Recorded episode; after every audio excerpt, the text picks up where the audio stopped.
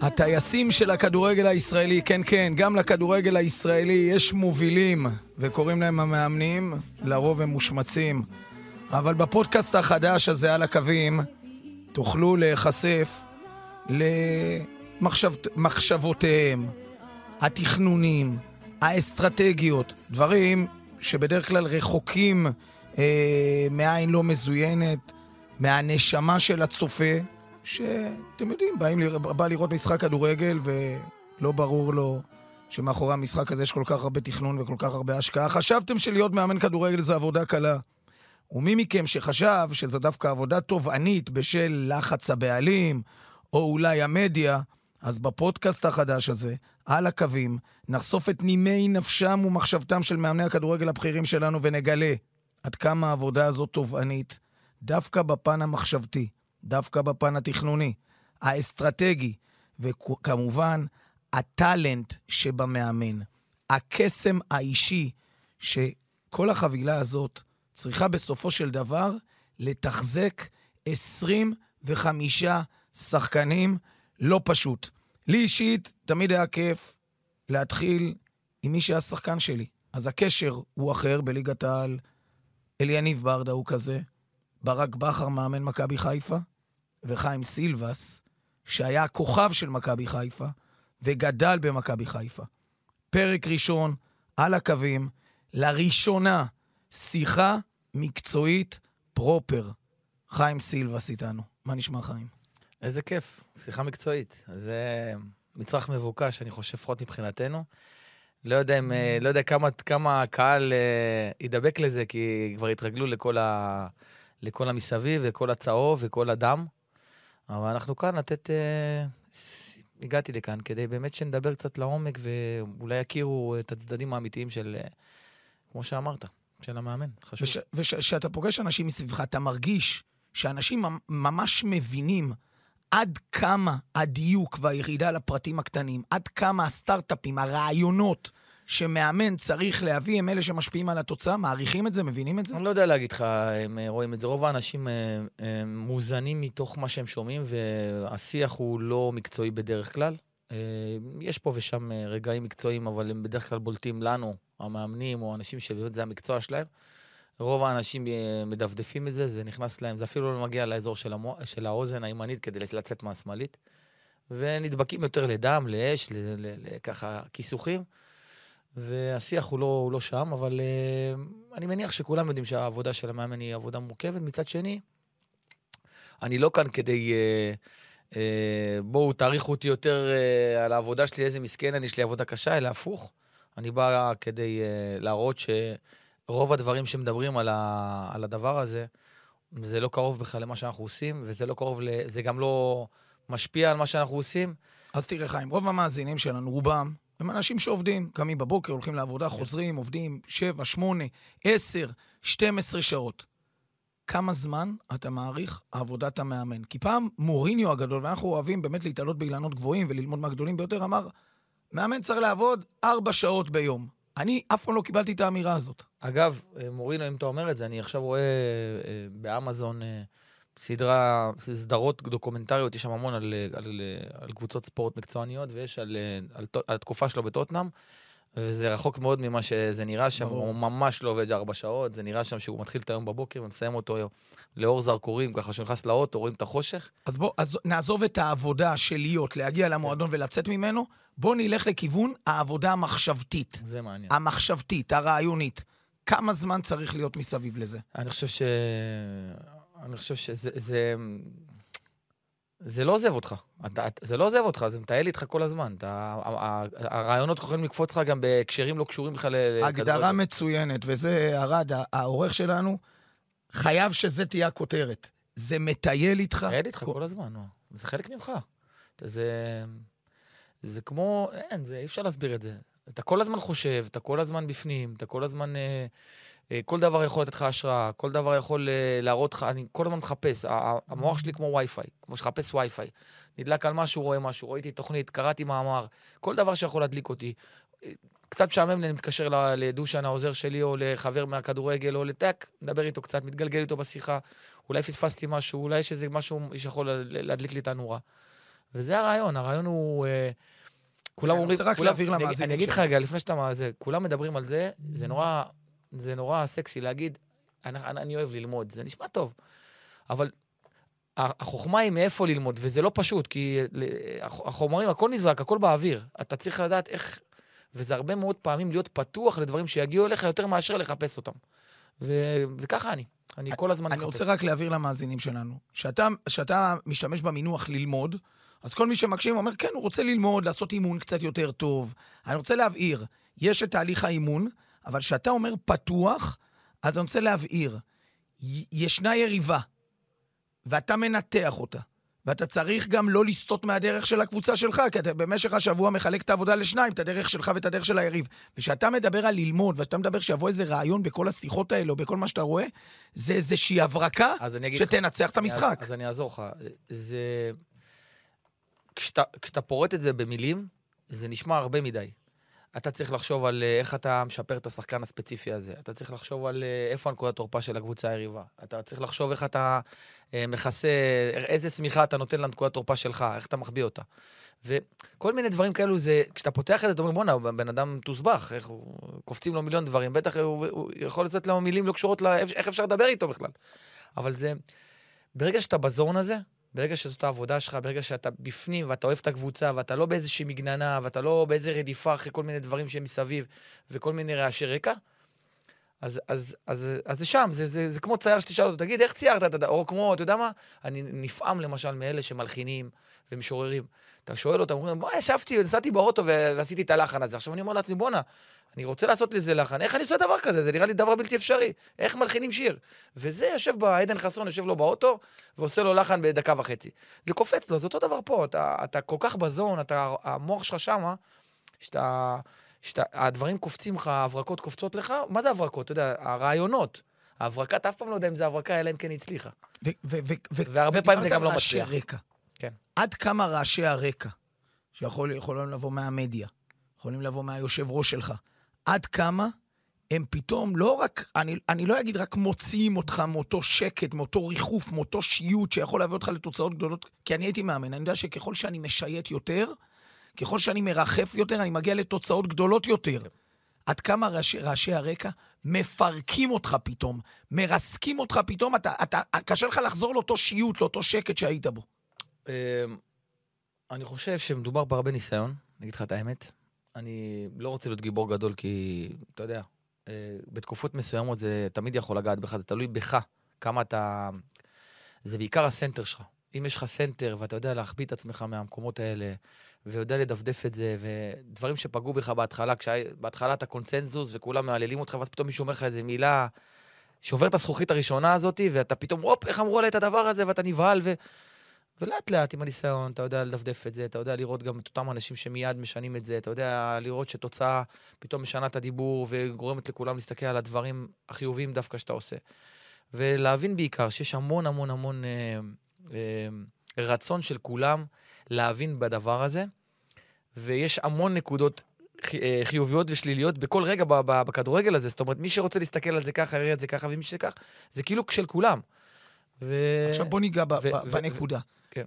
ריחפת, שייטת, לא, אני לא קורא לזה ככה, אני אגיד לך גם למה. אני אגיד לך גם מה זה חשוב, שהחוכמה היא להיות בסנטר מדויק שלך, בזון, במאוזן, לא, לא, אני במרוכז. רוצה שהמאזינים אבל שלנו... השחקנים צריכים לראות אותך מדויק מאוד בר- ברגשות, אתה לא יכול להיות משייט. אני רוצה... אתה צריך לא, להיות לא, ב- זה- נשמע אולי לא... העיניים. צריכים להיות מאוד לא, מאוד לא, לא. חדות. אני מדבר שאתה עם עצמך, אתה צריך כל הזמן לחפש את הרעיון. כן. לחפש את הרעיון, אתה צריך שידבק לך משהו. כן. שידבק לך הרעיון ההתחלתי, ואז אתה מתחיל לזרום איתו ואתה בונה איזה קונספט לקראת המשחק. כן. אני רוצה שהמאזינים שלנו ייחשפו לרעיון, תכלס.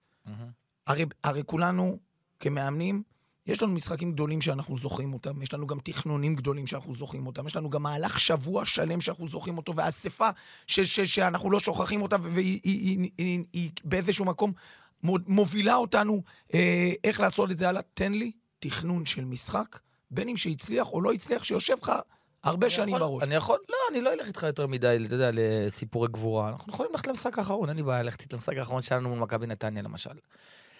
תראה, קודם כל, חשוב להבין, אה, המאמן, יש לו, הוא דמות מאוד אה, חשובה, ו... והוא מוביל את הכל, אבל צריך לזכור תמיד שאתה בשירות הקבוצה ולא בשירות עצמך. מה הכוונה? לפעמים, מרוב שאתה חושב על עניינים, אתה כבר חושב שזה הכל תלוי בעניינים שאתה תמציא. ולא צריך להמציא כל הזמן דברים, אם יש לך... אם בנית קבוצה טובה ויש לקבוצה הזאת אה, איזשהו אה, סחף מסוים, לדעת לזרום ולעשות התאמות לתוך הסחף הזה, ולא כל הזמן להמציא משהו חדש. כלומר, במהלך השבוע האימונים, אתה יודע שאתה קודם כל שומר על שלך, אבל אתה יודע איזה להתאים, אני רעיון. יודע להתאים, זה מאוד חשוב. זה, אני מרגיש שאני מאמן, אה, אה, מאמן בוגרים בליגת העל צריך להיות מאמן קבוצה יותר מאשר מאמן שחקן. שחקנים. מאמן קבוצה, זה מאמן משימתי, מאמן שצריך לדעת להביא את התוצאה ומול מי אתה משחק, כי, כי המנעד הוא, זה, כשאתה במכבי חיפה או במכבי תל אביב, זה מאוד uh, יחסית פשוט, כי יש לך... רוב הזמן אתה חושב על עצמך. כן, אתה, אתה, יש לך אה, אה, יתרון איכותי כל הזמן. בקבוצות בינוניות, כאילו, כמו למשל שיש לי סכנין, יש לך הרבה מאוד פעמים שאתה, יש לך יתרון איכותי, ויש לך הרבה מאוד פעמים שיש מיסמצ'ים לרעתך, ואתה צריך לדעת איך להזיז טיפה את הקבוצה. לדוגמה, אתן לך דוגמה, דיברת על רעיון. אה, מכבי נתניה הגיעו אלינו אה, ב- במשחק של אתמול, עוד פעם, במשחק, סליחה, של אה, שבת. אה, היה אלמנטים של אה, מנטלי, פסיכולוגי, להגיע לדוחה זה לא פשוט, יש לנו את הקהל שלנו, היה לנו יתרון, אה, לדעתי היה לנו יתרון מנטלי חזק מאוד בתחילת המשחק. דבר איתי על נתניה. אבל בעיקר, בעיקר מקצועית, אה, ראיתי שכשעומדים, אה, שנתניה נורא, נורא מבהילה את היריבה עם הלחץ שלה. והקבוצה השנייה, אם היא לא מוכנה לזה, המשחק מתחיל להיות משוחק בצורה כזאת שהיא כל הזמן מגיבה. והרעיון שלי היה זה שקודם כל לגרום ל, ל, למשחק ללכת למקום שאנחנו רוצים. שנתניה תצטרך להגיב לנו. עכשיו, זה לא תמיד פשוט, כי נתניה קבוצה חזקה ונתניה קבוצה עם אה, עוצמות, ו, וקרה במשחק בדיוק מה שרצינו שיקרה, ופשוט עב- עבדנו ודיברנו על זה, כולל אספות וכולל אימונים. בוא נרד רגע אלמנטים, לפרט. אני אלך איתך לפרטים, אני רק רוצה להגיד לך שזה לא קרה במקרה. מה הכוונה? ידענו שכשעומדים על נתניה בצורה גבוהה, אחת התבניות המוכרות שלה והמוצלחות שלה, זה שמהשוער או מהבלם, כדור הולך במין צ'יפ כזה, או במין אה, כדור ישר מהאמצע לאמצע, לזלטנוביץ' או גיל יצחק, שהם שחקני כדי מטרה לבטל את קווי נהדרים. הלחץ של היריבה. בדיוק, ומשם יש תנועה מאוד מאוד חזקה של שחקנים שמצטרפים לק- ל- ל- לקו, לכדור השני, ו- ומייצרים איזשהו יתרון, כי הקבוצה היריבה בתנועה הפוכה. ו... וזה משהו שלא רוב, רוב הקבוצות לא מוכנות אליהם, כי לא רואים ספציפית את, ה... את הדבר הזה. כלומר, אתה אומר שלנתניה, מעבר להתנפלות שלה ליריב בפתיחת המשחק בתוך השטח שלו וגרירת היריב לאיזשהו משחק תחת לחץ, לנתניה יש גם תשובה למצב שהיריב לוחץ אותה על ידי דילוג. על לא, קווי רק, לא רק שזה התשובה, זה גם איזשהו, אה, איזשהו, אה, בעיניי היה, איזשהו אה, משהו מאוד ספציפי, לדעתי גם לא מגוון מספיק, זאת אומרת, זה רק זה היה, שהיה מאוד אה, נוח יחסית להת- להתמודד איתו אם אתה מוכן אליו. עכשיו, מה עשינו? פתחנו את המגנים, נתנו להם את המגנים בשביל שימסרו את הפס הזה, אבל עמדנו בין מגן ל... שחקתי עם שני חלוצים, וכבר תבין למה שני, שני חלוצים. אה, ידענו שמשחקים עם שני שחקני, שני בלמים, ויזרקו את הכדור ויקפצו לכדור השני. העמדנו במרכז ההגנה שלנו את אה, אנטה פוליץ', שהוא שחקן כדור ראשון מהטובים שיש בליגה, והראינו לו, והראינו לכל הקבוצה, חבר'ה, זה המשחק. אנחנו נעמוד גבוה, מה שלא יהיה, למרות שאתה חושב שלא לוחצים, אבל אנחנו עומדים גבוה על, על מכבי נתניה, מכריחים אותם לעשות את התבנית התקפה שנוחה להם, ושם אנחנו עפים על 1 פלוס 2, שתי שחקני ההגנה, ולא אחד. בשביל זה שחקנו עם שלושה. אחד פלוס שניים, זה אומר שפוליץ' השחקן החופשי כדי לנקות את הכדור הארוך, ושניים על שני החלוצים של נתניה. הפוך. פוליץ' רץ לכדור הראשון, ושניים מנקים אחריו. ברור, פוליץ' לוקח, תוקף את הכדור הארוך הזה, את. הצ'יפ המוקפץ על הזה, החלוץ. ושני בלמים ש- שנועלים שנופל. מאחוריו את שני יפה. החלוצים. זה חסן חילו ו- ומרון גנטו, שחקנים עם מהירות טובה, והבנו שזה המשחק יהיה. כולם ספרינט חזרה לתוך האמצע, קיבוץ מטורף לתוך האמצע לכדור השני, ומשם משחקים. ו- וזה מה שגרמנו לנתניה לעשות. איפה היתרון? בסדר, עכשיו ביטלנו את הזה, ועכשיו יש מאבק באמצע. איפה היתרון? היתרון הוא שאם אני יודע ששני המגנים של מכבי נתניה כבר פתוחים, ויש להם שני בלמים, ואם אני מניח להם שני חלוצים על שני הבלמים, כמו מלמד ו- וקרדוסו, כל שחקן שייכנס לכיוון הקרן, לשטח בין בלם לקו החוץ, תודה רבה. כל תנועה, כל ניצחון במאבק, כל משהו שאתה ת- ותיתן להם את החופש לשני הבלמים, זה שניים על שתיים, על, על שטח מאוד גדול, הבלמים טובים ככל שיהיו, יפספסו פעם, פעמיים, שלוש, זה בדיוק המצב שאתה תגיע. וזה בדיוק מה שקרה במשחק. הגענו, המשחק היה משחק של fight, טה, טה, טה, טה, ככה, בין שתי הקבוצות, והמצבים היו, לנו היה את החיפוי, ולהם לא היה את החיפוי.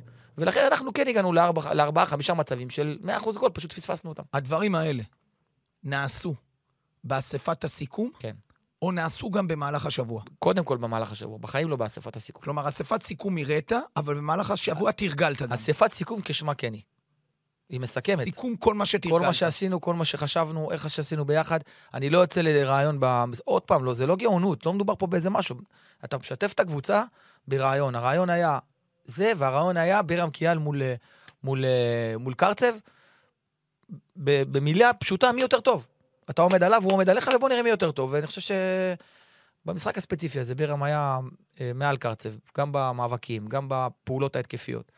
ולכן היה, הייתה תחושה ש- שסכנין, אה, היה לה יתרון מסוים על מכבי נתניה. בנקודה הזאת אני רוצה לשאול. קרצב הוא הקשר האחורי ביותר, בירם קיאל הוא השפיץ הקדמי ביותר. הוא לא השפיץ הקדמי ביותר, במשחק הספציפי הזה הוא היה השפיץ הקדמי ביותר. כן.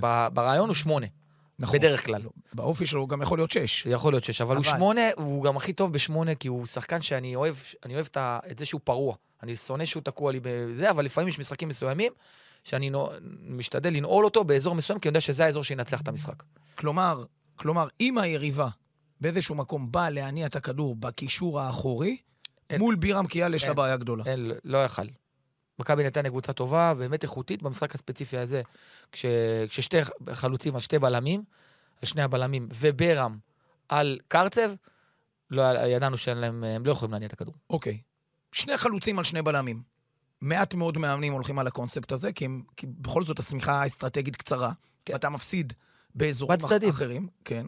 תפסיק, כל אחד תלוי. כן. אתה יודע, יש לפעמים אתה מפסיד באמצע, כי אתה בא ב-4-4-2 טהור בקווים כן. ישרים, ואז הקשר האחורי של היריב פנוי. פחות אוהב את זה, אבל לא משנה, זה אני.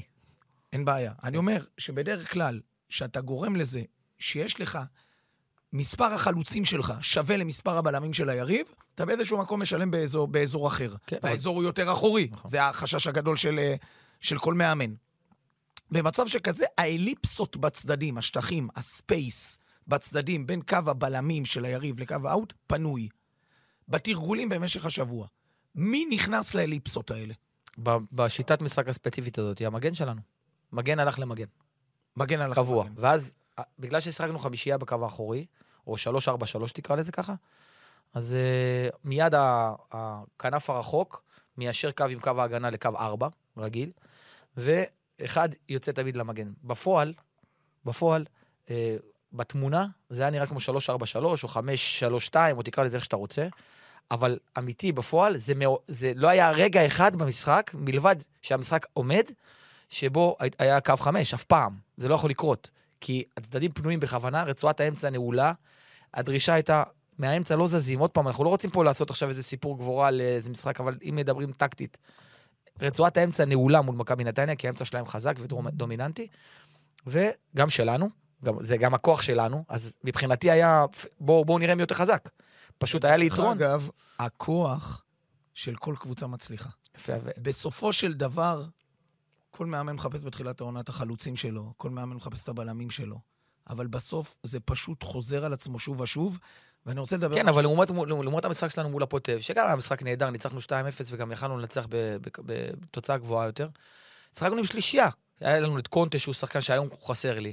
אז הוא מביא לי אלמנט אחר מהאזור של הצד, הוא פותח לי מאוד את ההתקפה, הוא פותח את הקו לטוואטחה, שכל פעם שהכדור מגיע בגלל שהוא שחקן רגל אני יכול נהדר. להגיד לך רק על, אה, על קונטה, שאני ראיתי אותו בנבחרת שלו נגד, ליד נבי קייטה הגדול, כן, הוא משחק בכלל באמצע. באמצע. כן, אז אנחנו, בגלל שהוא שחקן רגל נהדר, אני דווקא, אה, בגלל זה גם היה מאוד חשוב לי להביא שחקן כמו טוואטחה. היה ב-4-3-3, הוא, הוא, הוא go to guy שלנו. הכדור הולך אליו לרגל, הוא שחקן רגל אדיר, מאוד קשה לקחת ממנו את הכדור מהרגל, וברגע שהוא משעה, כשהכדור אצלו הוא משעה טיפה באזור ההוא, את הכדור באזור של הקו, ולא באמצע, שיש עליו פרס גדול מדי, יש לו את ה-2-3 שניות, זה בדיוק הזמן שבו אה, טלב מתחיל את המיעוט שלו, שאף אחד באמת לא יכול להשיג אותו, רגע, אם ומשם היה גם לך הבאנו את טלב ה-1-0. טוואטחה או נונו מנדש, את מי היית מעדיף? אז בוא נ- בוא- בוא נלך רגע. אתה מכיר אותי, אני חולה על השחקנים שלי.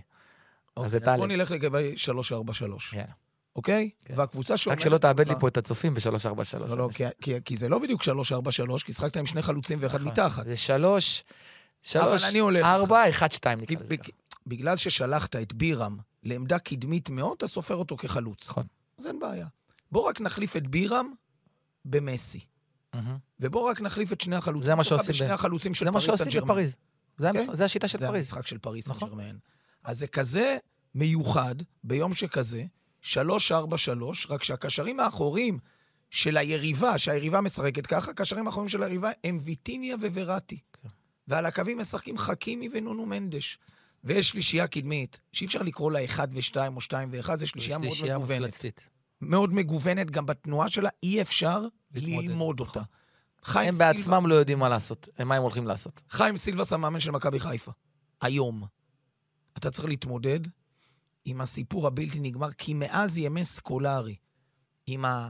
אתה קורא לזה 343, אבל השתמשת במינוח אחר, שיהיה נוח למאזינים, 523, שלישייה קדמית מגוונת, שנעה לכל מקום שהיא רוצה, וסקולרי אמר, ובתנאי שלא שניים ייכנסו לאותה עמדה, זה היה ריבלדו, רונלדו, השמן רונלדיניו. לא? ורונלדיניו. שלושה. ככה יש- לקחו את המונדיאל ב-2002. כך לקחו את המונדיאל ב-2002, וכך גלתיה עם פריס סן ג'רמן עובד. נכון. חמש, שתיים, שלוש. כן. חיים סילבס היה שחקן גדול במכבי חיפה. כנראה גם גדול יהיה, בגיל. כנראה גם יהיה מאמן במכבי חיפה, בהמשך הדרך. יש לך את פריס סן ג'רמן על הראש, תן לי פתרון. הנה, לדוגמה, קודם כל, זה יומרני להגיד, כי אה, יש, יש, יש בעיה מול קבוצות כאלה, כי אתה יכול, אתה יכול למנוע משהו כמו, בוא נאמר ככה, אתה יכול למנוע את המשחק המתוכנן. אתה יודע מה? בוא נגדיר את זה ביחד ככה. כמאמן, אתה יכול ללמד את הקבוצה, למנוע את המשחק המתוכנן של הקבוצה היריבה, את הנשק המתוכנן, אה, תבניות התקפה, אתה יכול לדעת להמתין להם, אתה יודע מה הם עושים, אתה יודע מה הרעיונות, אבל מאוד מאוד מאוד קשה, אה, מאוד מאוד קשה אה, לנצח את הגורם האנושי, את האלתור, את הטעות, את הביצוע, את רמת הביצוע. קשה. זאת אומרת, אתה לכן. משאיר, אתה משאיר 30, מה- בעיניי זה משהו כמו 30-25 אחוז מהמשחק, ושם אתה תלוי באנושי. שחקן שלך יכול לפספס, שחקן של היריב יכול להניח, להניח את הכדור פתאום מ-30 מטר ולשים לך אותו בחיבור. השוער יכול לפספס פתאום. השופט יכול לפספס פתאום. דברים קטנים שישנו לך את התוצאה. בכל זאת. בכל זאת. בכל זאת, בעיניי, ו- ולטובת אלה שמאזינים לנו, ורוצים באמת ללמוד, ולהיכנס לנבחי נפשו של מאמן. אז אני אגיד עזוב לך. את ברק. אז כולם יגידו, אז אז אולי זה לא נעים. ממך משהו. תן לי, אז אני תן אגיד לי לך. מן טו מן, שמות. כולם, אז עזוב, לא אגיד לך תשע שמות, אבל אני חושב שאסטרטגית, זה לא סקסי להגיד את זה, ואתה תשאל אותי את השאלה הזאת בהמשך, אבל אין אפשרות, אם מכבי חיפה באמת רוצה לנצח, או קבוצה רוצה לנצח קבוצה כמו פריס סן ג'רמן, לעשות באמת הישג חסר תקדים, שהוא צריך יום מטורף של, שהכל יסתדר. אבל הדבר הכי חשוב זה, שאם שלושת השחקנים האלו משחקים, אתה לא יכול להשאיר אותם לא באחד על אחד ולא בשטחים פתוחים. לא יעזור כלום. זה אומר שאתה, לבוא ללחוץ עכשיו, זה יכול להצליח לרבע שעה, 20 דקות, וזה ייראה מגניב, וזה ייראה טוב, ואתה תיראה פנטסטי וכולם יתלהבו, ויהיה... אבל אם באמת אתה רוצה רעיון לנצח את המשחק, אתה יודע שבסופו של דבר כדור אחד שיברח לאמבפה באחד על אחד, הרי כשאתה לוחץ זה אחד על אחד. אמבפה מסתובב באחד על אחד, נאמר מסתובב באחד, מסי מסתובב באחד על אחד, זה גול. זה פשוט גול. אתה תיראה מגניב, כולם יגידו מחמאות, מה זה, אבל בסופו של דבר המשימה, אתה לא, אם אתה, המשימה שלך באמת לנצח. בגלל זה, מראש, רוב הקבוצות כבר מבינות שהמשימה לנצח היא בלתי אפשרית כמעט, אוקיי? כי, ה... כי טקטית אתה יכול ללחוץ, אבל יש להם את האיכות להסתובב. אם אתה מחכה נמוך יותר, יש להם מספיק איכות בשביל ל- ל- ל- להיכנס. להיכנס, אז זה בעיה. אני חושב שהדבר היחידי שיכול לקרות זה קצב משחק מאוד נמוך. קצב משחק מאוד, לא סקסי, מה שאני אומר לך. הכי קל לבוא ולהגיד, בוא נלחץ, מה יש להפסיד, אולי נגנוב גול וזה. כן, אני מניח שזה גם מה שמכבי חיפה תעשה, במחויבות שלה ל-30 אלף הצופים, כי הרי אף אחד לא באמת מצפה שמכבי חיפה תנצח. אבל אם אנחנו מדברים בצורה פנטזיונרית על ניצחון, או על להוציא נקודות מפריס סן ג'רמן, בואו רק נסביר. אני מניח את הקבוצה, קצב איטי, נותן להם להתחיל להסתבך, נותן להם לסבול במשחק, נותן להם לא ליהנות ממה שהם לא, עושים. לא, יש חלק גדול שלא. מבינים. כשאתה אומר ללחוץ, אנשים לא בדיוק מבינים את, ה, את המינוח ללחוץ. זה בדיוק כמו שאנשים לא מבינים את המינוח הנעת כדור. מהמם. הרי הנעת כדור, אין מאמן בקבוצות נערים וילדים, שלא אומר בוא... יהיה יותר קל להבין את זה ככה. הגנה גבוהה. הרי הספרינט שאתה עושה הוא אותו ספרינט. החטיפת כדור היא אותה חטיפת כדור. כולם עושים את אותו דבר. זה פשוט איפה אתה עושה את זה, גבוה או נמוך. ומה זה מצריך ממך, ומה אתה מסכן אל מול מה, הסיכוי מול הסיכון. אז בוא נאמר כך. בקבוצה אם אתה כזאת, עושה את זה בזון C, באזור ההתקפי, באיזשהו מקום אתה חשוף לאותו אתה מתפרצות, חשוף לאותו מיעוט. לשלישיית שחקנים שמקבלים את הכדור על הגב או לעומק, ואתה יכול, אה, ואתה צריך רק להתחיל להתפלל. תראה, לפני כשלושה שבועות, מונקו שיחקה נגד פריס סן ג'רמן, המאמן של מונקו הוא פיליפ קלמה, אה, מאמן שאימן שנים בבלגיה, בברוז' ובגנק, והוא אמר עומר, אמר אמירה, בא לשחק נגד פריס סן ג'רמן, ואמר לעצמו, אני את השלישייה הטובה ביותר בעולם היום, נאמר מסי ואמבפה, לא יכול לסגור. לא יכול, אין לי סיכוי. אבל אני יכול לסגור את אלה שמוציאים להם את הכדור. הרי פריס סן ג'רמן, בכל דרך, דונרומה ישחק עם הרגל. לא יבעט את הכדור ארוך. זו מתנה. זו אולי הסיכוי היחיד. והוא עשה את זה, והוא סיים את המשחק אחד-אחד, והוא הגיע למצבים. ויכול להיות, יכול להיות, שאיך אמרת גם, המחויבות לקהל, משחק ביתי, הרי בסופו של דבר זה, זה סיכויים נמוכים מאוד, נכון. זה פערים אדירים. אולי, עדיף לנסות להמר. אולי, עלי מוחמד ושרי, אלוורטי וויטיניה, כן. לא יכולים ללחוץ אותם? יכולים. יכולים. הבעיה- הבעיה שלך שבמיוחד... חזיזה, על נונו מונדש ו- ו- ו- אה, והמגן הצרפתי על חכימי לא יכולים להתמודד? בפינה, על הקו, בצפיפות? מי? מי? תגיד את השמות עוד פעם. חזיזה. כן. אל מול נונו מנדש. אין בעיה. ומה, אבל אתה זוכר שיש עוד שני בלמים על חלוץ אחד? לא, יש לך שלישייה מאחורה, שלישייה שלהם. לא, שליש, של, שלושת הבלמים של, של אה, פריס סן ג'רמן אל מול חלוץ אחד, אל מול פיירו. שניים. מי? דין ופיירו. אה, אלא אם כן הוא משנה והולך מראה. הולך אותו דבר. אה, אוקיי. מראה. מה זה, 433? דין ופיירו כן, על שלושת הבלמים, כן. אוקיי? מרקיניוס לא משחק. אנחנו מדברים על מראה. על שלושה, גם, לא מכבי חיפה. שני חלוצים על שלושה בלמים. ואיך שניים על ואיך הוא. מסדר את הקישור? מגן על מגן. מי זה המגן? חזיזה ו... חזיזה וקודו. הבנתי, זה מראה. 532. אני אומר שמראה, ופה תתרכזו, מי ששומע אותנו ומי שבאמת רוצה לרדת לרזולוציות, מראה זה 523 על 523. נכון, אבל זה... זו מראה. אבל זה... אבל... זה מן טו מן על כל המגרש. 532 נגד 523, שתיים, אין מראה כי אתה במינוס בהתקפה. נכון. אתה במינוס אבל אתה בפלוס בהתקפה. בשלישיית קישור. אתה, בפל... אתה גם לא בפלוס למה? בשלישיית קישור, למה? כי נטע לביא גם לוקח את השחקן שבא. כלומר, אתה עם נטע לביא ושלושת הבלמים נגד שלושת התנורים, נגד שלושת הכוכבים. אז אני, אז אני רואה את זה, ש... וזה אחת הבעיות של, של מראה, שבסופו של דבר זה מן טו מן, שנטע לביא, נטע לביא בסופו של דבר אה, יצטרך, יצטרך להסתכל מאחוריו כדי להיות אה, עם אה, שלושת החלוצים, והוא לא... יהיה לו קשה מאוד לעשות את זה, אז בסוף זה יהיה 3 על 2 בקישור ו-3 על 3 בהגנה. אתה מבין למה זה, זה קצת בעיה? בוא, בוא, רגע, בוא רגע נפרט. שלושת הבלמים של מכבי חיפה, פלוס נטע לביא, אל מול שלושת השחקנים. זה מה שהיית. רוצה שיקרה, אבל בפועל, אם אתה לוחץ גבוה במיוחד, נטע לביא יימתח לתוך, השליש, לתוך שני שחקני הקישור שלו. ואז שלושת החלוצים הם בעצם יהיו מאחוריו. לא, הוא לא יכול לקבל את השחקן עם הפנים, הוא יצטרך תמיד לבוא לעזור כשהכדור כבר יעבור אותו. אתה מבין מה אני אומר? או שכן, או שתמיד אחד מהכוכבים הגדולים בא לקבל את הכדור נכון. לרגל. נכון. כלומר, אנחנו ראינו את האימון של פריס סן ג'רמן בבלומפילד, לפני המשחק אלוף האלופים נגד נאנט, וראינו שבסופו של דבר, איך שהוא בונה את זה, גלתיה, הוא בונה את זה שתמיד יהיה אחד מאחורי כן, השניים. אבל אתה יודע מה הבעיה בזה? שכשאתה לא יודע מאיפה הוא יבוא, הוא אף פעם לא יבוא לתוך הרגליים של נטע לביא. הוא יכול לבוא ל half space בצד ימין או ל half space בצד שמאל, וזה יכול להיות כל אחד, ונטע מהאמצע יצטרך תמיד לבחור איך הוא עושה את הספרינטים 20, 20 או 5, 15 מטרים באלכסון אחורה כדי לתת את העזרה, זה אף פעם לא נוח. לא פשוט, לא פשוט, אני לא מקנא ב... תשמע, מהימים שלך כעוזר מאמן, מאוד האמנת בשיטה הזאת. של שלושה בלמים. הלכת איתה לאורך שנים ארוכות. אני אגיד לך משהו, אני אגיד לך משהו. אשר אלון אני- אפילו הטביע בך חותם של מאמן הגנתי, אני- ואז אז אני- סטית מהדרך, נבהלת קצת, סטית מהדרך, זה עשה לך איזו תקופה לא טובה, ומיד חזרת לעצמך. אבל זה לא נכון. אני אגיד לך למה. זה ממש לא נכון. אני, המטרה שלי היא לייצר אה, מחשבה מאוד מגוונת בקבוצה שלי. מאוד מגוונת. כלומר, שלישיית קישור יכולה לעשות תנועה אורכית, של 3 על 3, של 4, 3, 3, ויכולה לעשות תנועה רוחבית של 5, 3, 2, של מאוין. ש... אני רוצה שהם ידעו לעשות את זה. המגן שלי יכול להיות מגן בקו ארבע רגיל. רגע, אומר- רגע, שלישיית הקישור שלך, עוד פעם, תן לי שלישיית שחקנים כזאת, בוא, בוא נדבר. מרואן קאבה, מרואן קאבה, יאב גנאים. ואייב גנאים. כן, או ש- כן, או אוקיי, שוקרני. כדוגמה. כן, או כדוגמה. כדוגמה. תן לי בקבוצה אחרת שלישיית קשרים שהייתה לך בהפועל הייתה- חיפה. הייתה לי בהפועל חיפה שלישיית קישור אה, בתקופות מסוימות, טפוקו, סרדל. סרדל וסער פדידה.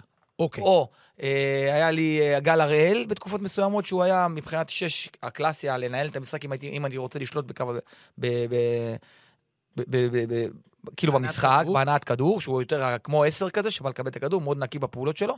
פחות אגרסיבי, פחות... אה, גל. הראל. גל הראל, סרדל, או סער פדידה, או פתאום יכול להוריד לשם את... אה, אפילו גידי יכול היה לשחק שם קניוק. אוקיי, אז בוא נלך על גל הראל, גל הראל, לאן סער, אתה רוצה ללכת איתי? גידי קניוק, כן.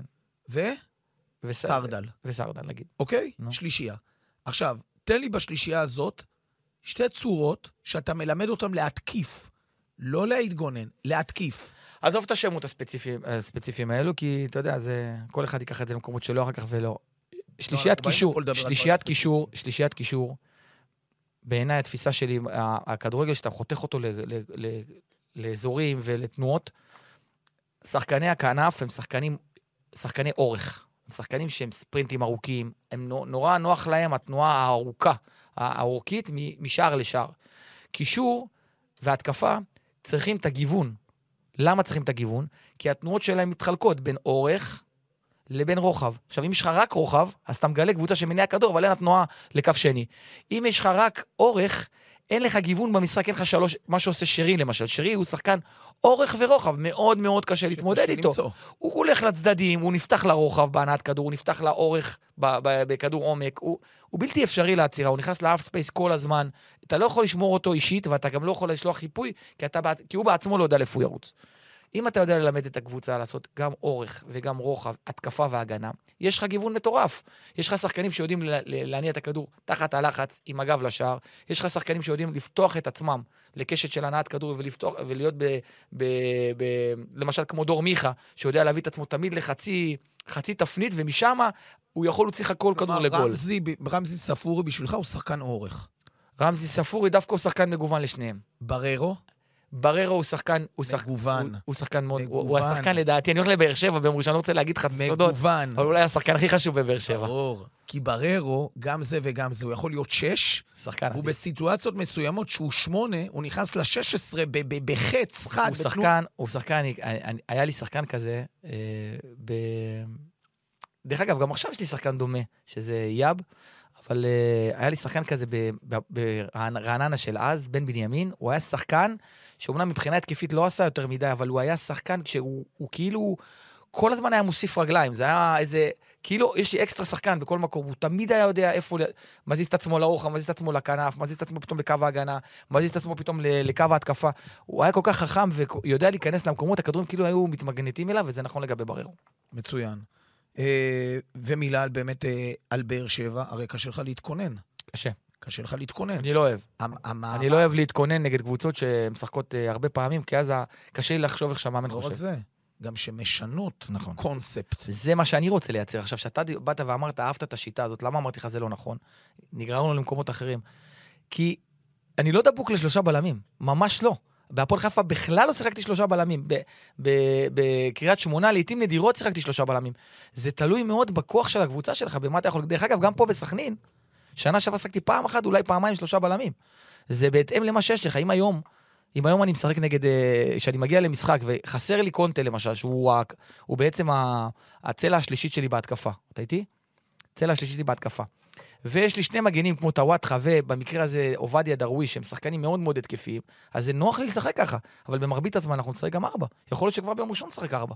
אני מדבר רגע על באר שבע, על התכנונים באר שבע. אליניב, כן. אתה רואה? אני ראיתי, עם שלוש, ארבע ארבע, כנראה, שלוש, ו- המוח קודח. המוח קודח. אה, ויש שם איזה מהלך שאהבתי לא רע, והוא סטה ממנו דווקא נגד הפועל תל אביב, זה מהלך שמי שבנה אותו זה מקלרן. דור מיכה היה לאורך כל השנים שבע. שחקן כנף ימין ב-4-3-3, עם כן. שלושה, ארבעה, חמישה גולים בעונה, זו תרומה לא מספיק טובה. אבל הדבר היפה אצל דור מיכה היה, זה האנרגטיות שלו, על זה שהוא באמת שורף שטחים גדולים.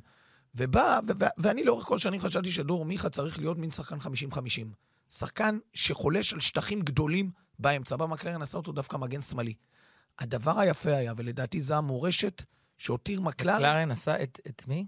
את דור מיכה מגן שמאלי, מי זה מקלרן? לא מקלרן, אתה טועה בשם. שעבד עם ג'ורדי, היה תקופה קצרה אה, ב- אוקיי. ב- במכבי תל אביב. והוא הפך את דור מיכה למגן שמאלי. עכשיו, מה קרה? מבחינה הגנתית, דור מיכה סגר את הקו. את קו ימין של, ה- של הקבוצה היריבה. אבל מבחינה התקפית, הוא זלג למרכז, הוא התחיל לטייל למרכז והפך את שלישיית האמצע למאוין. הרעיון עם באר- שבע קורה גם עכשיו, שאליניב ברדה עבר נגד הפועל תל אביב עם, לקו 4, שקלטינס מגן שמאלי, הוא דחף את דור מיכה בחזרה לקישור ועבר ל-4-3-3. שלישיית קשרים. בצד ימין רק, יש את סאפי הפנטסטי שנכנס לאמצע. מה קורה? זה כבר לא שלישייה. זה זה. כבר ארבעה. ארבעה. זה חמישייה. כבר ארבעה. עכשיו, אני לא רואה קבוצה בכדורגל הישראלי שמסוגלת להתמודד עם רביעייה איכותית שכזאת. זה יכול להיות בררו, הפנטסטי. אני לא יודע אם זה מה שיהיה ביום ראשון, אבל אם זה יהיה, אז אתה תראה. מה נראה? אתה תראה קבוצה שמתמודדת עם זה, מה? אתה חשבת על זה אבל? אני יודע, אני ראיתי את זה, הייתי בבלומפילד, ראיתי בדיוק את ששפי עושה את התנועה הזאת מתוך השלישיית התקפה לתוך האזורים של ליד אייבינדר שם, ש... וקלצ'פולסקי, ולא היה מי שיצא אליו, כי הבלם השלישי, שזה היה אה, אה, המגן... קונט, או לא, יהב לא. גורפינקל. יהב גורפינקל כל הזמן התלבט אם הוא יוצא התלבט, קדימה או לא, וזה בדיוק? השניות, זה בדיוק השניות ששפי קיבל את הכדור. אה, מצד שני, אתה רואה איך יצא לנו את המילה? מצד שני, מתלבט זה האויב הכי גדול. בתכנון, בתכנון טקטי. לא להביא את השחקן למצב שהוא מתלבט. שהוא מתלבט. ואנחנו רוצים לגרום לקבוצה היריבה כל הזמן לחשוב, אני יוצא לשחקן או לא? בגלל זה יש את המושג אנטי סדר בהתקפה. שזה, שזה כאילו אמור להיות, אני חושב שמי שמבין היום רואה שכדורגל המודרני, במיוחד אם אתה רואה את פריס סן ג'רמן, למה הם עושים את זה? הם פשוט לא רוצים לקבע את השחקן אל מול השחקן הגנה. הם רוצים לגרום לאנטי סדר בהתקפה, שמבלבל את הסדר ההגנתי. כל מאמן רוצה סדר הגנתי, והיום מי שמסתכל נכון על המשחק, בעיניי, לפחות אני, זה הגישה, עזוב מסתכל נכון, לא אתן ציונים פה, אבל מה שאני חושב, בהתקפה צריך בלאגן. כלומר, בלאגן בהתקפה. במילים אחרות אתה אומר ככה, הכדורגל הישראלי מתקשה לייצר טאלנטים בחלק הקדמי, אבל קל באופן טבעי לייצר בלמים. שחקני הגנה. ומה שחקני הגנה רוצים כשהם מגיעים למשחק? לדעת מי הכתובת שלהם, מי האדרס שלהם, לדעת, אני לוקח את זה, אתה רוצה לגרום, אני לא, אני, אני, לא, אני לא רוצה לומר את המשפט הראשון שאמרת, שקשה לה לייצר טאלנט, כי אני לא במקום הזה לבוא ולהגיד את זה, כי כל הזמן יש, אה, יש סיכוי לזה, וכל הזמן, ואני חושב שמפעם לפעם אנחנו מוצאים איזשהו שפע בבלמים, ולפעמים גם איזה חוסר, ואתה יודע, זה תקופות מסוימות. אבל מה שאנחנו רוצים לייצר טקטית, זה אה, כולנו רוצים לחשוב ב...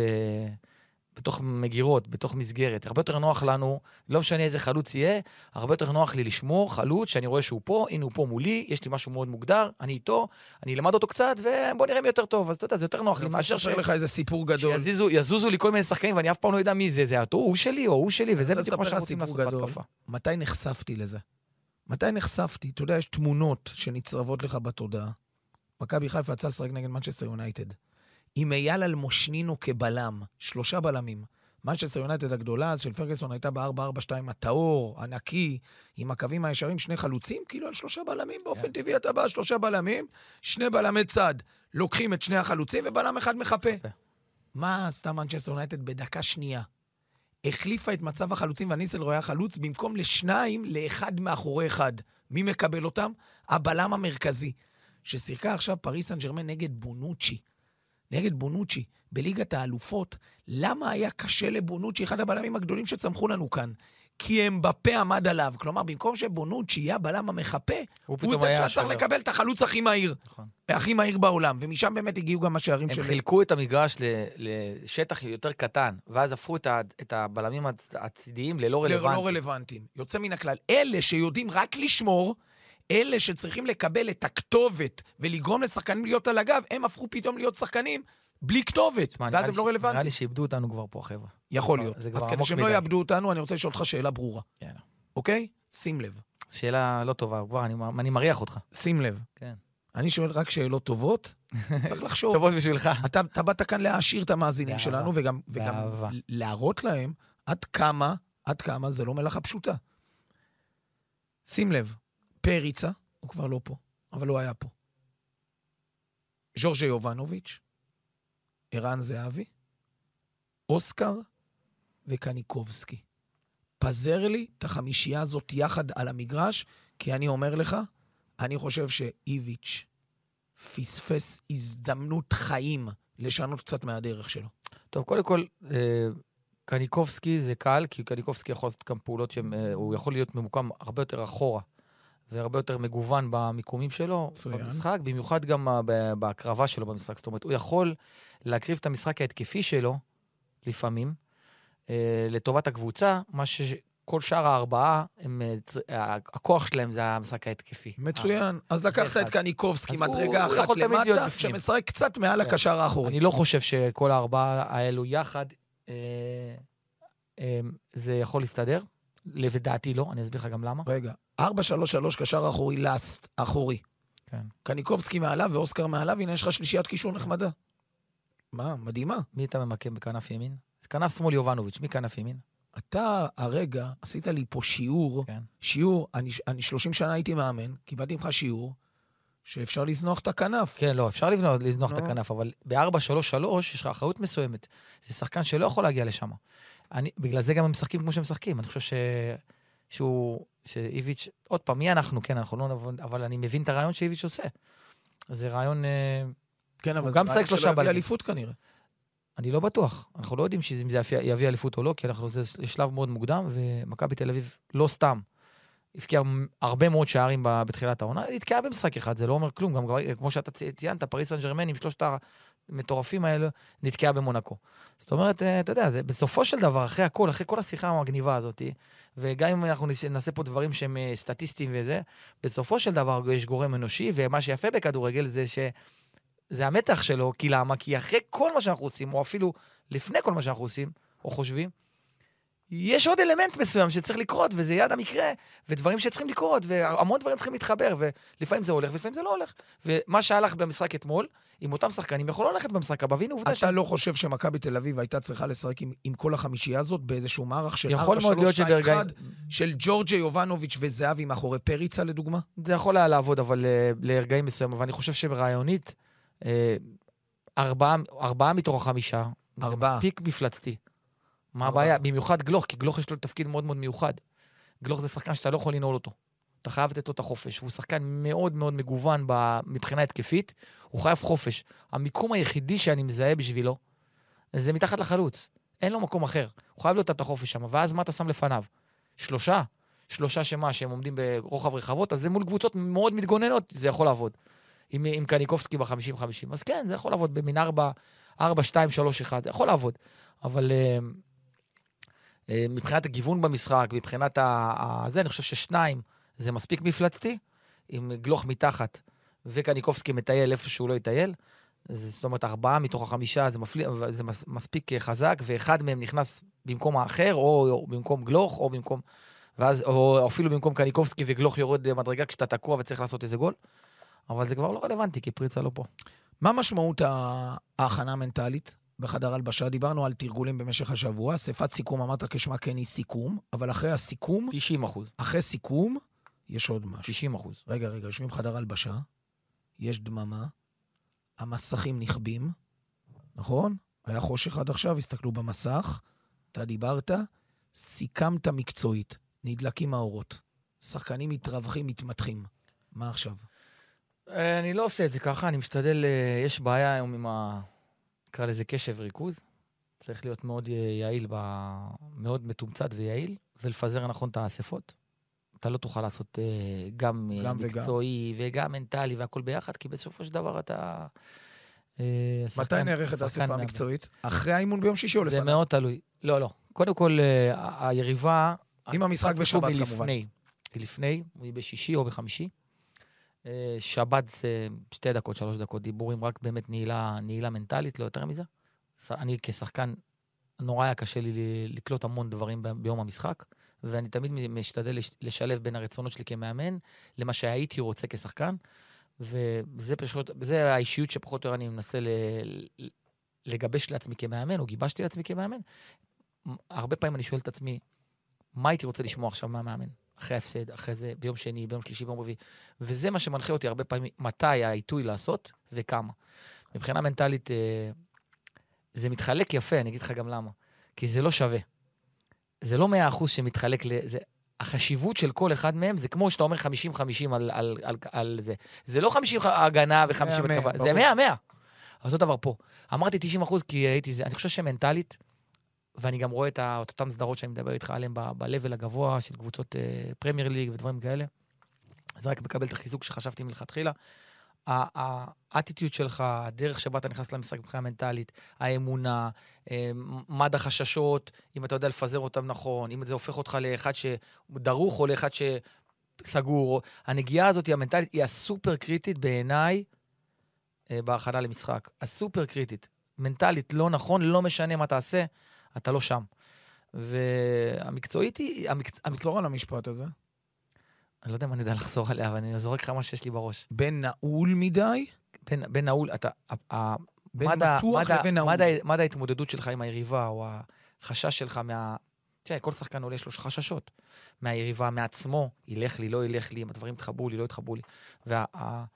והחשש שלך צריך להיות כזה ששומר אותך עם הסכין בין השיניים, ולא סגור, נעול, אה, נוזלי, אה, קורה משהו לא טוב, הנה, זה הרגע מה עם שפחדתי אדישות ממנו. וקור רוח?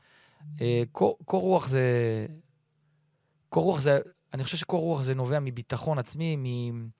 אני... אני... זה עמוק מאוד מה שאתה אומר. אני חושב שהדבר הכי חשוב לקבוצת כדורגל, לביטחון שלה, היא לא המילה ביטחון. הרבה פעמים אנחנו יכולים לעמוד, בואו, תשחקו בביטחון.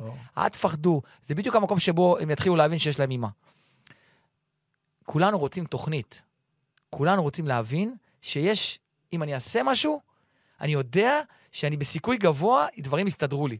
אני נאמן לתוכנית, אני חלק מאיזשהו זרם שאם אני אעשה אותו, אם אני בורג, שאם אני אעשה אותו, אני יודע שאני במקום הנכון לקבוצה. ואם אני מצליח לגרום לקבוצה להאמין בזה, היא מגיעה הרבה יותר בטוחה. לפעמים אתה נותן רעיונות שהם רעיונות קטנים במשחק, אבל כל כך מתמקד בהם שאתה אה, מסיט את המחשבה של השחקן אך ורק לסיטואציות משחק, ולא, שלנו, ולא לחששות. אתה אומר למאמנים שלנו, אני דרך אגב מאוד מאמין בזה בכל ליבי, כי אני, אתה יודע, נכנס קצת לאספות של קבוצות, ואני רואה שרוב הקב- המאמנים מדברים כל הזמן מוטיבציה. תהיו אגרסיביים, שלא ירוצו יותר מדי. תיכנס אליי, אתה תיכנס אליי לאספות, אתה תחשוב שזה ה... אצלי, אתה תחשוב שזה המוטיב המרכזי שלי. אבל זה לא. זאת אומרת, זה, זה כן, כי אנחנו מאותה, מאותה ידיעה שאמרתי לך קודם, אני חושב שזה, בלי זה, זה נגמר. אתה לא, אתה, אין לך מה לעלות למגרש.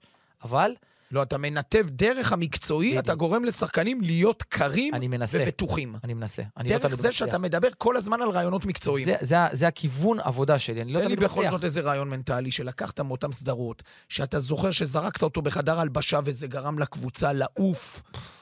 לא יודע, לא עולה לי, זה, זה, זה, אני אגיד לך את האמת, זה מאוד... אה, אני משאיר לעצמי, אני משאיר לעצמי הרבה מאוד מקום של אה, אותנטיות. זאת אומרת, אני נכנס ואני מרגיש, ויש לי כיוון מסוים ואני עף איתו.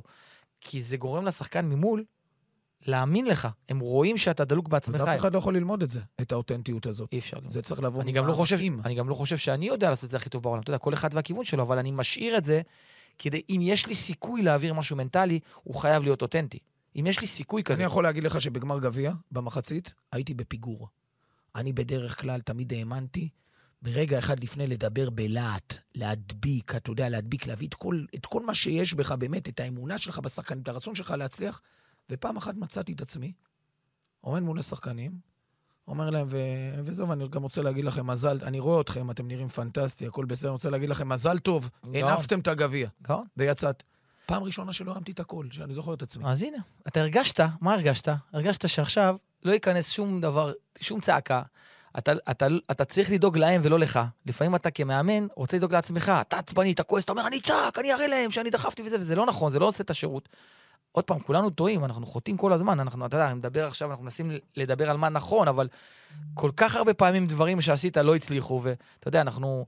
זה לא פה, אתה לא מדבר עם בן אדם שלקח פה ליגת אלופות, אתה יודע, זה רק רעיונות ומחשבות שלנו, אנחנו לא יודעים אם אנחנו עושים את זה נכון או לא. אני יכול להגיד לך רק ש... אבל האינסטינקט שלך, זה בדיוק ההבדל בינך לבין מאמן אחר שהיה עומד שם. ככה אני מנסה להשאיר לעצמי את, ה, את ההבדל ביני לבין מאמן אחר. הרי אחד הדברים הכי חשובים למאמן זה לזכור שאתה לא בשירות עצמך, אתה בשירות הקבוצה. אם, זה היה בש... אם הייתי חושב שאני בשירות עצמי, אז הייתי כועס והיה לי אגו, והייתי נורא נעלב ממה שעשו לי בקיץ, כאילו שלא החתימו אותי מהר, וכולם ניסו לדחוף אותי לשם, ואף אחד לא הבין את השקט הזה שלי. ואת ה- איך הוא לא מגיב, מה הוא, שמעתי מילים, מה, מה הוא סמרטוט, מה הוא זה, מה, זה ממש לא. זה בדיוק מהמקום הרחוק, ההפוך. אתה יודע, אפילו רציתי לשאול אותך את זה. אני יודע, אבל טוב שלא שאלת, כי אנחנו במקומות הרבה יותר טובים. אבל כשאתה מבין שאתה בשירות הקבוצה, אתה גם יודע שאם אתה רב עם זהבי, אתה לא יכול להרשות לעצמך להושיב אותו ביציע. עם כל זה שהוא פגע בך והעליב אותך ברמה האישית ואתה כועס עליו, נגיד, סתם אמרתי זהבי בשביל להקצין, כי הוא, כי הוא הכוכב בישראל היום, בסדר? אבל הוא, הוא שייך למכבי תל אביב, אתה עובד במכבי תל אביב, הקהל מגיע לראות אותו, אתה צריך למצוא את הדרך. איב, אפילו שהוא עשה X ו-Y, אז כמובן, לא קל. לא קל. לא קל. אז, אתה, אז ס- ה- ברגע שאתה יודע ללמד את הקבוצה, לזהות אצלך את זה, שאתה, זה לא ממקום של חולשה, אלא ממקום של הפוך, של עוצמה, של לתוך המשימה, של אני נאמן לכם ולקבוצה, הם לומדים להעריך אותך והם יודעים, ואתה לא תשמע את הקריאות. אני לא סתם, אני חושב, לא סתם אצלי אין כל כך הרבה, לא, לא, אין לי יותר מדי תקריות. כי אני, ודרך אגב, אני גם רואה את ברק עושה את זה ככה, הרבה מאוד פעמים. אתה רואה, אבא שלה, הוא דיבר. אתה אומר, הנה עכשיו, fuck, שם אותו בהרכב במשחק הבא, צ'אק, נגמר, הכל, הכל נשטף. היית מסוג השחקנים, היית כוכב כדורגל, כוכב כדורגל, אני הולך להגיד לך משפט שאתה לא תאמין. האמנת, האמנת, תקשיב, שכוכב מפונק כמוך יבוא ויהפוך להיות מאמן תובעני כזה? אני, אני הרי אני, אתה רחוק עשית לי קצת פרצופים שנות אור. על זה שרציתי לשלוח אותך לפרס הייתי על שחקן כדורגל בתקופות מסוימות, חלאת אדם, גועל נפש של אישיות, ואני רחוק שנות אור, לשמחתי, ממה שהייתי כשחקן. אה, לא תמיד, כן, הייתי, אה, אם אתה בן אדם טוב, אתה בן אדם טוב, אבל הייתי, היינו מגעילים. תשמע, שחקני, אני לא יודע איך זה תמיד, בהרגשה שלי, המגננות שלי תמיד היו כנגד הסביבה, וזה זה מתוך חולשה. היום אנחנו במקום אחר, היום אנחנו כבר הרבה יותר עוצמתיים, אתה הרבה יותר מיושב, יש לך סנטר חזק, אתה יודע לספוג. אני רוצה רק להגיד... ועדיין, ועדיין, חוטא לא מעט. חוטא לא מעט. לא מעט. אני רוצה לשאול אותך, באמת שתי שאלות לסיום. הראשונה, שחקנים שהיו באמת טלנטים גדולים, כמוך, הייתה לי את הזכות כמוני, לראות, תפסיק להגיד את זה, מה זה... כי היית טאלנט. עזוב, נו. אתה רוצה שאני אגיד לך את- את הדברים האחרים שאני חושב? לא. בוא תמנע את זה ואת זה. מפונק. היית טאלנט. חלאת אדם. והטאלנטים, הטאלנטים יושבים בחדר הלבשה, הם לא מרוכזים, הם לא בדיוק מקשיבים למאמן. כשהמאמן מעביר את האימון, הרבה פעמים לא בא להם, הם לא בדיוק, אבל יש גם אחרים שערניים לכל תנודה אצל המאמן וכל מבט, ולטעמי, אלה הכוכבים שכן הופכים להיות אחר כך מאמנים. אלה שמהקריירה שלהם כשחקנים, מפיקים משהו לטובת הקריירה שלהם כמאמנים. אני איך עדיין- אתה היית? אז החלפתי כיוון באיזשהו אה, מקום. הייתי ההוא, הראשון, ופתאום החלפתי דיסק באיזשהו שלב. זה, זה איזה דלת, שאתה פתאום חוצה אותה, ואתה שם. אני הייתי בהישרדות האישית שלי, וכשהבנתי שאני כבר לא אהיה אותו שחקן שחשבתי שאני אהיה, ועכשיו אני כבר הולך למקומות אחרים, התחלתי להסתכל, אתה יודע מה, אני אסדר לך את זה אחרת. זה להסתכל מהתמונה הכללי, הרחבה, פנימה, או מהפנימה החוצה. כשאתה שחקן כזה, כמו שדיברת עליו, אתה מסתכל קודם כל מהפנימה שלך, אתה אומר, רגע, מה נוח לי, מה טוב לי, זה נוח לי, זה כיף לי, אני סבבה עם זה, ומשם אתה מתחיל לחשוב איך זה מתחבר לכל השאר. כשאתה השחקן השני, או המאמן, או כזה, או אתה יודע מה, ברם קיאל, מרואן קאבה כאלה. התברכתי בכאלה, למה? כי הם יודעים להסתכל מהתמונה הכללית, הקבוצה, המה נכון למשימה, הרעיון הטקטי, משם איך זה נכנס פנימה, ובסוף מגיע אליהם, ומצ... ומזקק אותם. וזו מחשבה אחרת לגמרי, ובאיזשהו מקום בקריירה שלי אני החלפתי אותה. אה, אומנם זה היה כבר בגב...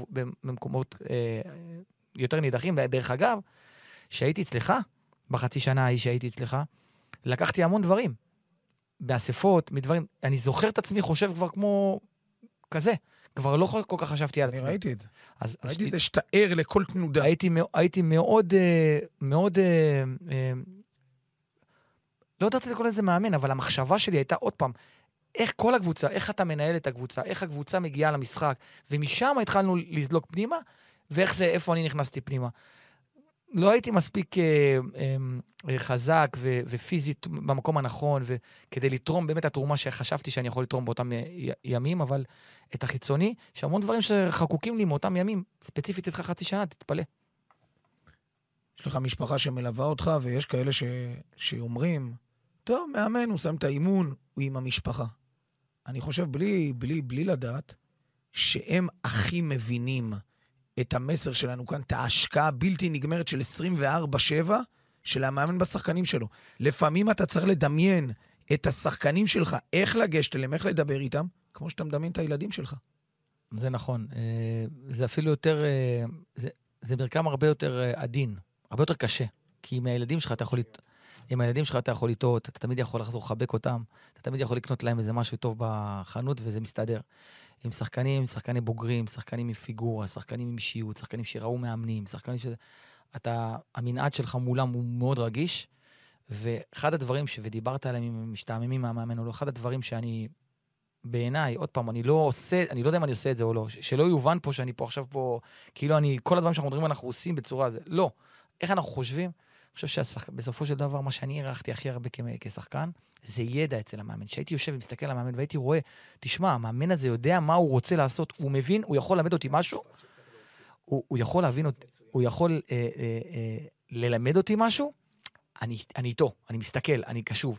ברגע שאני רואה שזה מילים, אותם מילים, אותם זה, אני מאבד אותו. מאמנים, תהיו ערניים, יש שחקנים שמקשיבים לכל מילה שאתם אומרים. כל מילה, ואני יודע לך, דרך אגב, דיברנו על זה עכשיו, משהו קטן, באמת, אנחנו בסוף. המנהיגים הם, ה, הם, הם באמת, ככל שאני מאמן יותר, אני יודע את זה, הם באמת הקובעי טון של הקבוצה, באמת. ואם יש לך מנהיגים שהם שחקנים טובים עדיין, והם יודעים לחשוב כמו שאתה, כמו שדיברנו קודם, זאת הברכה, ולדעתי, לא משנה מה יהיה בסכנין, נצליח יותר או נצליח פחות. זה הכוח של סכנין, עם המנהיגים שלה, יש לה מנהיגים שאני אני לפעמים נותן לעצמי לזוז הצידה ולהגיד, אני יכול להיות רגוע, בוא, הנה, צחקו. אדיר, אנחנו יכולים להקדיש את השיחה הזאת לחבר משותף שלנו, שליווה אותך מילדות, כן. בדיוק בימים האלה שמכבי חיפה, היה בטוח שהוא היה... אין, כמעט, אין כמעט משהו שאני לא הייתי רוצה להקדיש לו. יעקב אלאלוף, חבר משותף שלנו, אה, שהלך לעולמו אה, אינסופיים, צמרמורת עכשיו, געגועים אינסופיים. ליווה אותך מילדות. תסגור את השיחה דחוף לפני שאתה לוקח אותי למקומות ש... ובהצלחה של מכבי חיפה. סילבס, היום מבינים מה זה להיות מאמן. אתה רואה, בדיוק כמו השיר של להקת חיל האוויר. על קצה המזלג. הטייסים, הטייסים של הכדורגל הישראלי. זה רק קצה מזלג, זה מפה עולם שלם. היה גדול. היה תודה רבה. אחלה. תודה.